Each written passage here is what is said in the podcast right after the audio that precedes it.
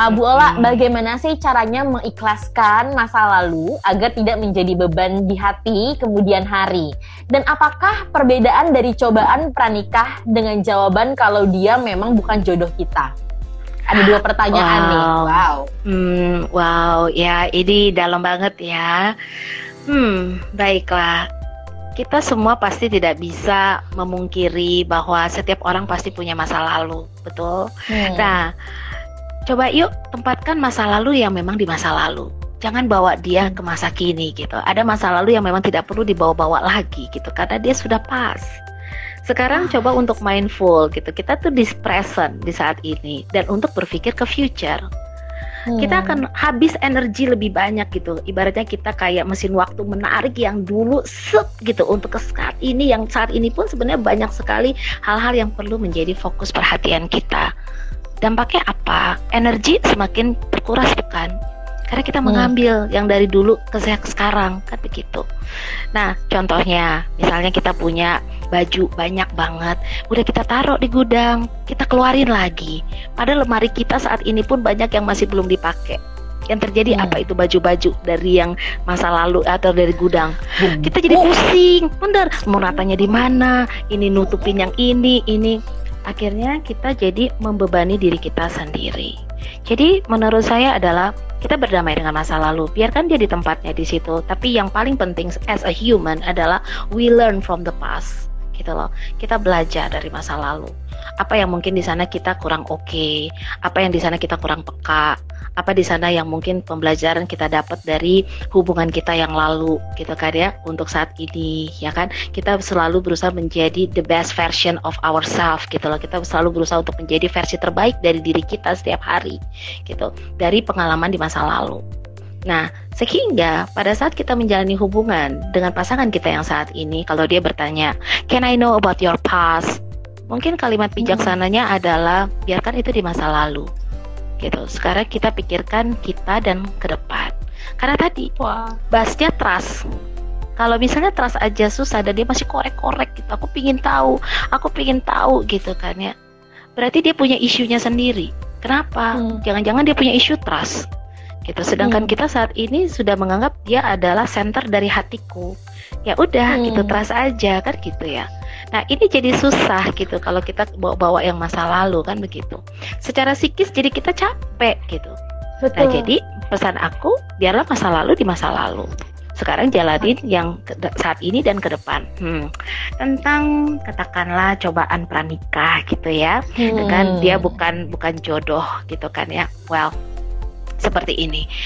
Memang gitu ya dalam pacaran itu seperti saya bilang tadi gitu ya banyak sekali pasti hal-hal yang terjadi. Namanya tadi dua orang yang berbeda berusaha saling mentoleransi, punya katakanlah uh, ininya sendiri kapasitasnya sendiri gitu loh.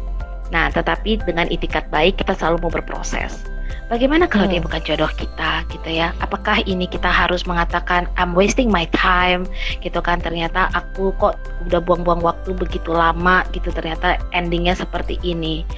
Menurut saya kembali lagi, peka nggak kita mengenali bahwa memang relationship ini it's not work out gitu loh dari awal.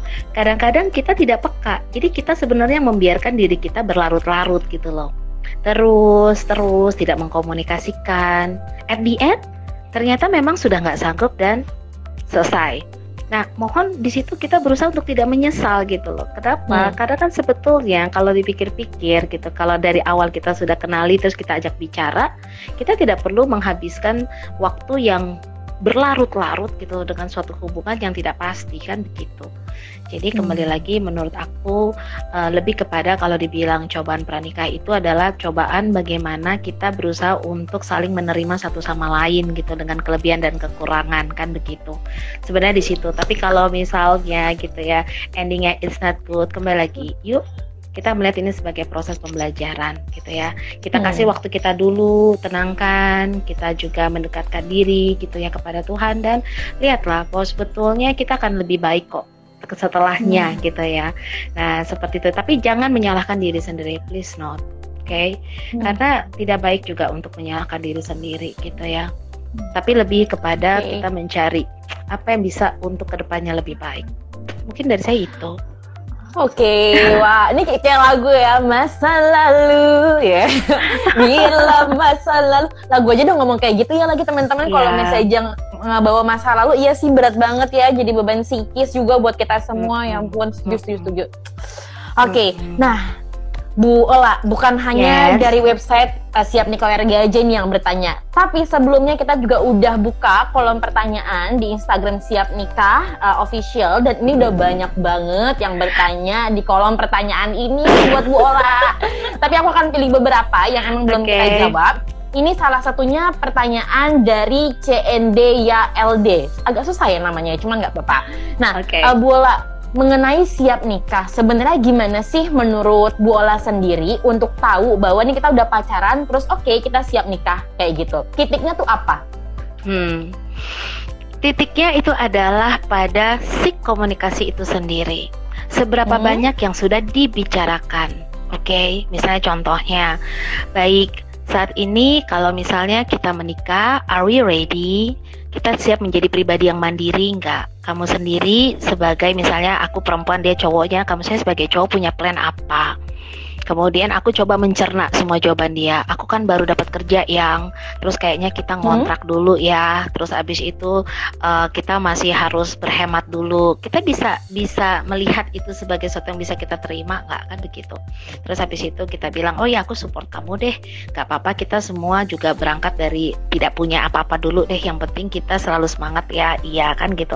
Nah jadi dari jawaban-jawaban dia gitu loh seberapa serius misalnya contohnya yang cowok kamu siap nggak jadi ibu kalau misalnya kita menikah gitu atau kamu lebih hmm. plannya hmm. adalah kita tunda dulu gitu kan karena usia kita masih segini. Nah, itu jawaban-jawaban itu dianalisa kan gitu. Tapi jangan fake, please. Semua dijawab hmm. dari hati gitu loh. Ketika pasangan saling mengeksplor, siap nggak kamu jadi bapak?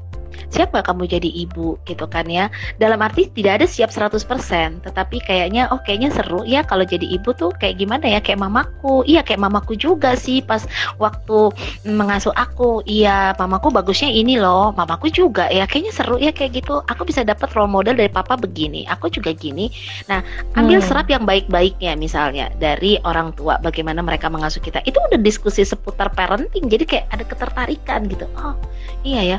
Oh ya uh, gimana ya kalau misalnya kita ribut soal dapur? Nah itu gimana ya yang kalau kita ribut kayak begitu ya? Kita ada kepikiran apa ya berdua ya? Nah terus habis itu uh, kita balik aja ke rumah orang tua. Ya yang kalau balik ke rumah orang tua mah aku nggak setuju kali. Nanti mereka ikut campurnya kebanyakan. Ya baiknya gimana? Hmm. kan gitu ngobrol gitu. Karena kan hmm. banyak permasalahan gitu di dalam rumah tangga gitu kan ya. Eh yang gimana nih ya? Kalau misalnya nanti gitu mama ke rumah terus habis itu oh, kamu apa namanya kan nggak bisa masak kamu. Nanti gimana tuh? Gitu kan. Hmm. iya gimana ya kayaknya aku siap deh masuk ke dapur hmm, mataku hmm. berair-air motong-motong bawang gitu kan ya terus segala macam tapi kamu bantuin aku ya bersih-bersih rumah aku nggak bisa setrika Oh iya ya, kamu nggak bisa setrika. Iya, aku bisa deh setrika, ngepel. Itu kan domestik, pekerjaan domestik di dalam rumah tangga. Kan ke, rumah tangga yang bahagia itu adalah saling apa ya? Saling dua-dua pihak itu saling tahu gitu. Ya, pekerjaan domestik. Apa jangan bilang domestik istri. Hmm. Suami cari uang gitu. Hmm. Enggak, pengasuhan sekarang equal antara suami istri. Pekerjaan domestik itu adalah equal. Jadi tadi kese, apa ya kesetaraan gitu. Jadi topik-topiknya itu ke arah mengenai gambaran pernikahan gitu. Ya kan? Nah, jadi ketika memang sudah mau hmm, serius ke situ, dia tidak menolak udah ngomongin hmm. tentang itu dan kita jadi lebih secure. Oke, okay, kita tahu kita kurangnya di sini tapi saya siap. Kamu siap? Siap. Ya udah yuk kita ngomong siap. ke orang tua. langsung digas ya. Yes. Jadi lebih kepada komunikasinya gitu, keluasan dalam membahas banyak hal, bukan sekedar hobi dan minat lagi gitu loh. Okay. Tetapi banyak hal. Nah, itu salah satu indikatornya. Jadi memang indikatornya banyak. Pertama kesiapan secara fisik, hmm. psikis, gitu kan ya. Kemudian juga emosi gitu kalau kita mau rinci lagi gitu ya. Kemudian kemampuan problem solving. Nah itu sebetulnya hmm. di awal bisa tuh digali-gali dulu. Tetapi kan kita juga tidak bisa mempersiapkan semua 100% seperti itu. Tapi tadi minimal kita sudah membicarakan. Minimal kita sudah dapat hmm. gambaran. Dan the rest of it selamat memasuki kehidupan the real marriage life. Nah, udah deh hingga Iya iya iya. betul betul betul. Nah, emang bener ya. Jadi tuh uh, intinya tuh dari komunikasinya sudah mengarah ke situ belum. Tapi buat teman-teman semua nih mungkin sekarang yang masih penasaran juga masih apa aja yang harus disiapkan, apakah aku udah siap atau belum? Sekali lagi Sarah juga mau ngingetin, kita ada website yang namanya siapnikah.org. Jadi teman-teman semua silakan aja langsung follow Instagram Siap Nikah Official dan juga kunjungi website kita, kemudian bisa lakuin tes tuh, mengukur kira-kira dari aspek-aspek yang disebutin sama Bu Ola tadi aku udah siap belum ya kayak gitu. Jadi jangan nikah kalau belum siap karena nikah tuh bukan soal buru-buru siapa cepat dia dapat ya. karena bukan barang hmm. diskonan say. Hmm. Oke. Okay. Bola, by the way ini masih yes. ada pertanyaan lagi nih di Q&A hmm. Instagram kita. Ini hmm. masalah pacaran dari anak-anak yang di bawah umur. Kita nggak pungkiri okay. ya Bola, mungkin untuk usia-usia yang masih SMP, SMA tuh udah banyak yang pacaran. Bahkan hmm. ada yang udah panggil mama papa, aduh. ayah bunda. Aduh, kalau menurut pandangan Bu Ola sendiri itu kayak gimana sih? Oke, okay, kalau menurut pandangan saya, kita perlu untuk melihat dalam berbagai macam perspektif gitu. Kenapa? Hmm. Karena sebetulnya kalau kita bicara anak-anak di bawah umur, keunggulan mereka itu adalah meniru, kan begitu ya. Jadi kemampuan mereka meniru itu sangat tinggi. Kadang-kadang mereka nggak paham apa yang mereka tiru. Kadang-kadang pemahaman mereka gitu, cara mereka berpikir belum sekompleks itu atau katakanlah semampu itu memikirkan. Jadi buat saya pribadi sebagai praktisi, saya melihat bahwa ini memang perlu banyak pihak yang mencoba untuk membantu. Dalam artian adalah memberikan contoh yang baik mulai dari saringan dalam tayangan apa yang mereka tonton kemudian mengajak hmm. mereka berkomunikasi gitu ya tentang perasaan mereka. Kalau mereka bilang aku suka sama si A misalnya di kelasku kita gali. Sukanya suka apa nih? Suka berteman? Suka ini? Gangguin dia? Godain dia? Nah jangan langsung kita suka! Langsung melotot suka gitu kan. Tapi kan lebih kurang oh, oke. Okay. ternyata tuh konteksnya berteman gitu kan. Terus hmm. kenapa uh, sayang apa sih yang bikin kamu bilang papa mama sama dia uh, kayak yang di TV mah itu pada bilang papa mama papa mama. Jadi ya aku merasa kayak ikut ikutan aja. Nah sebenarnya tanya lagi menurut kamu papa kamu siapa? Ya papa. Mungkin dia nunjuk papanya mama kamu hmm. siapa ya mama gitu kan. Terus kamu sendiri siapa? Mungkin dia sebut namanya. Nah iya kamu kan bukan papa bukan bukan uh, apa gitu. Kamu adalah misalnya obet namanya kamu obet bukan papa. Dia Siska bukan mama. Panggil panggil Siska dan Obet gitu bukan papa mama. Karena hmm. kalau papa ya kayak papa tuh papa. Ini mama. Beda kan Hmm, dia jadi mengidentifikasi tidak tepat kamu bilang diri kamu sebagai papa atau mama ya tergantung uh, jenis kelamin itu belum tepat sayang ternyata pas kita gali-gali dia juga nggak paham konsep itu. Hmm. Jadi menurut hmm. saya hmm, kita perlu mengajak bicara gitu ya karena memang kalau misalnya ini terjadi di anak bawah umur sebetulnya kita perlu melibatkan banyak um, orang untuk membantu hmm. mereka hmm. gitu dan berangkat dari yang namanya family kan begitu jadi family. yes family karena sekarang gini loh uh, pu usia pubertas itu memang mengalami kemajuan gitu ya jadi ada perempuan itu anak perempuan sudah mengalami pubertas umur 9 tahun gitu ya dan itu kan sesuatu yang benar-benar uh, muda banget ya seperti itu nah jadi kita juga harus memberikan pendampingan begitu juga laki-laki gitu ya mereka mengalami pubertas itu juga sudah lebih maju gitu ya kira-kira hmm. umur 11 sedangkan yang dulu tuh mereka bisa 13 14 karena perempuan lebih dulu gitu kan nah inilah peran yang namanya katakanlah orang tua dalam menjelaskan gitu ya apa yang terjadi sih saat pubertas rasa ketertarikan itu diarahkan kepada untuk akademik gitu jadi kalau dia tertarik sama temennya itu diarahkan ke akademik, kamu bisa belajar bareng gitu. Kamu bisa pinter bareng gitu kan. Kamu bisa jadi juara bareng hmm. seperti itu. Ketertarikan yang diarahkan ke academic achievement. That's hmm. gitu. Karena mereka belum di tahap perkembangan yang namanya intimacy versus isolation gitu loh. Belum. Hmm. jadi mereka okay. lagi di tahap yang memang kalau di usia sekolah dasar industri. Bagaimana mereka mencoba untuk mengenali skill mereka. Di situ. Jadi kalau aku suka mas sama dia suka apa? Dia pintar. Oh bagus dong. Ya kamu belajar dari dia. Dia kan pintar gitu. Hmm. Jadi kamu belajar bareng, mama setuju. Les apa dia? Les bareng aja ya. Nanti kami jemput kan gitu. Jadi saya tambah semangat lesnya ya. iya. Oke, okay. bener ya. Emang semuanya itu berangkat uh, dari pengasuhan keluarga juga nih. Makanya ya, mungkin kalau misalnya teman-teman semua nih di keluarganya atau lingkungan terdekatnya melihat ada fenomena seperti ini, boleh tadi diterapkan seperti apa yang dijelaskan sama Bu Ola. Nah Bu, tadi udah tanya dari yang uh, kolom question and answer dari Instagram. Nah sekarang kita akan beralih ke pertanyaan yang sudah hadir di kolom komentar kita. Aku tertarik dengan pertanyaan ini karena ini mewakili perasaan para lelaki. Ini dari Leta Al Leta awal ya. Uh, Oke, okay. Bu, normal nggak sih kalau pacar kita punya sahabat cewek emang udah lama mereka kenal, tapi mereka sama-sama punya panggilan spesial. Apakah wajar seperti itu? Padahal udah hmm. punya pacar. Mungkin bukan cewek atau cowok doang, ini kedua-duanya berlaku nih kayak gini. Karena kadang-kadang kita sebagai cewek ngeliat, ya ampun pacar cowok kita punya sahabat cewek deket banget, begitupun sebaliknya. Wajar nggak hmm. sih? Oke, okay. Sebetulnya begini, kita harus uh, ketika kita punya pacar, kita juga sebetulnya harus mengevaluasi seluruh aspek dalam kehidupan kita. Ya, kita juga harus menjadi orang yang juga bisa menghargai pasangan kita gitu. Jadi, pada kondisi-kondisi pacar tidak nyaman gitu ya, dia punya teman dekat lawan jenis, kemudian ada sapaan yang mungkin betul. Itu terjadi sebelum mereka pacaran, tapi sekarang kembalikan lagi bahwa kita pacaran. Kamu komunikasiin hmm. deh sama dia, aku nggak nyaman loh. Bukannya hmm. berarti aku mengatakan bahwa kamu tidak boleh untuk bersahabat sama dia, tapi aku merasa panggilan-panggilan itu sudah tidak tepat. Nah, aku merasa sangat tidak Oke sekali. Bolehkah kamu menyebut nama aja, nama dia secara jelas aja, jangan pakai ada panggilan-panggilan sayang tertentu gitu kan. Nah, hmm. ketika misalnya kita mengkomunikasikan dan pacar juga bisa bijaksana, saya pikir seharusnya dia mau untuk mendudukan bahwa pasangannya adalah sebagai orang yang paling penting untuk saat ini gitu. Dan juga dia bisa juga uh, mencoba untuk memposisikan posisi dari pacarnya itu dengan sahabatnya gitu.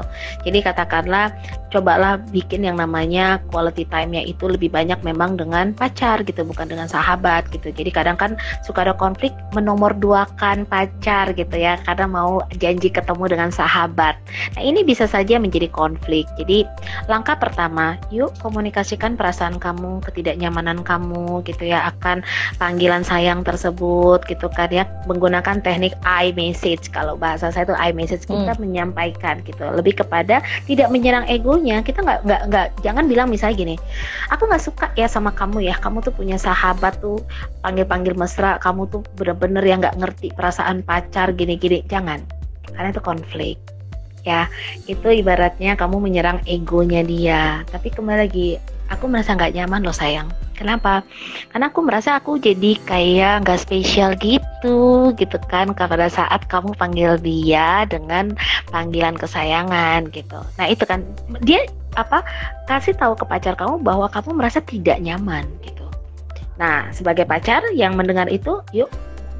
Kalau misalnya tadi kembali hmm. pacaran yang sehat usahakanlah dalam pacaran itu kondisi fisik ataupun psikis itu adalah terjaga gitu. Kadang-kadang kita hmm. harus mau mengalah gitu. Kadang-kadang kita harus mau untuk yang mentoleransi juga keinginan pacar dengan oh baiklah gitu. Okay. Karena saat ini targetnya adalah dia kan, bukan sahabat kan gitu. Betul. menurut saya.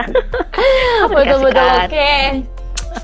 Gila gila keren keren. Emang betul ya. Ini kadang-kadang pertanyaannya emang susah banget dijawab Bu sama semua remaja yang lagi pacaran. Kadang-kadang kalau kita minta mereka untuk memilih kita, tadi sangkanya kamu nyuruh iya. aku milih aku daripada hmm. sahabat aku sendiri. Hmm. Yang kayak gitu kan bikin kita jadi bingung ya. Hmm. Tapi sekarang aku udah tahu bagaimana cara menyampaikannya. Big applause buat Bu Ola. Terima kasih. Aku juga sedang banget okay. nih banyak banget pertanyaan bagus-bagus luar biasa. Yes, betul. Ini masih banyak banget sebenarnya Bu Ola pertanyaannya. Okay. Tapi buat teman-teman semua ini karena waktunya juga udah mepet, kayaknya kita belum bisa menjawab kembali pertanyaan dari teman-teman. Tapi tenang hmm. aja, teman-teman semua yang mau dapat pertanyaan, eh, mendapatkan jawaban dari pertanyaan ini, langsung aja kunjungi website siapnikah.org.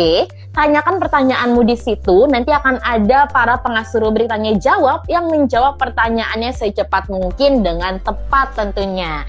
Jadi sekali lagi buat kalian semua yang mau mengukur mengukur kesiapan pernikahan, dapat informasi tentang relationship, langsung aja follow Instagramnya Siap Nikah Official dan juga kunjungi website siapnikah.org.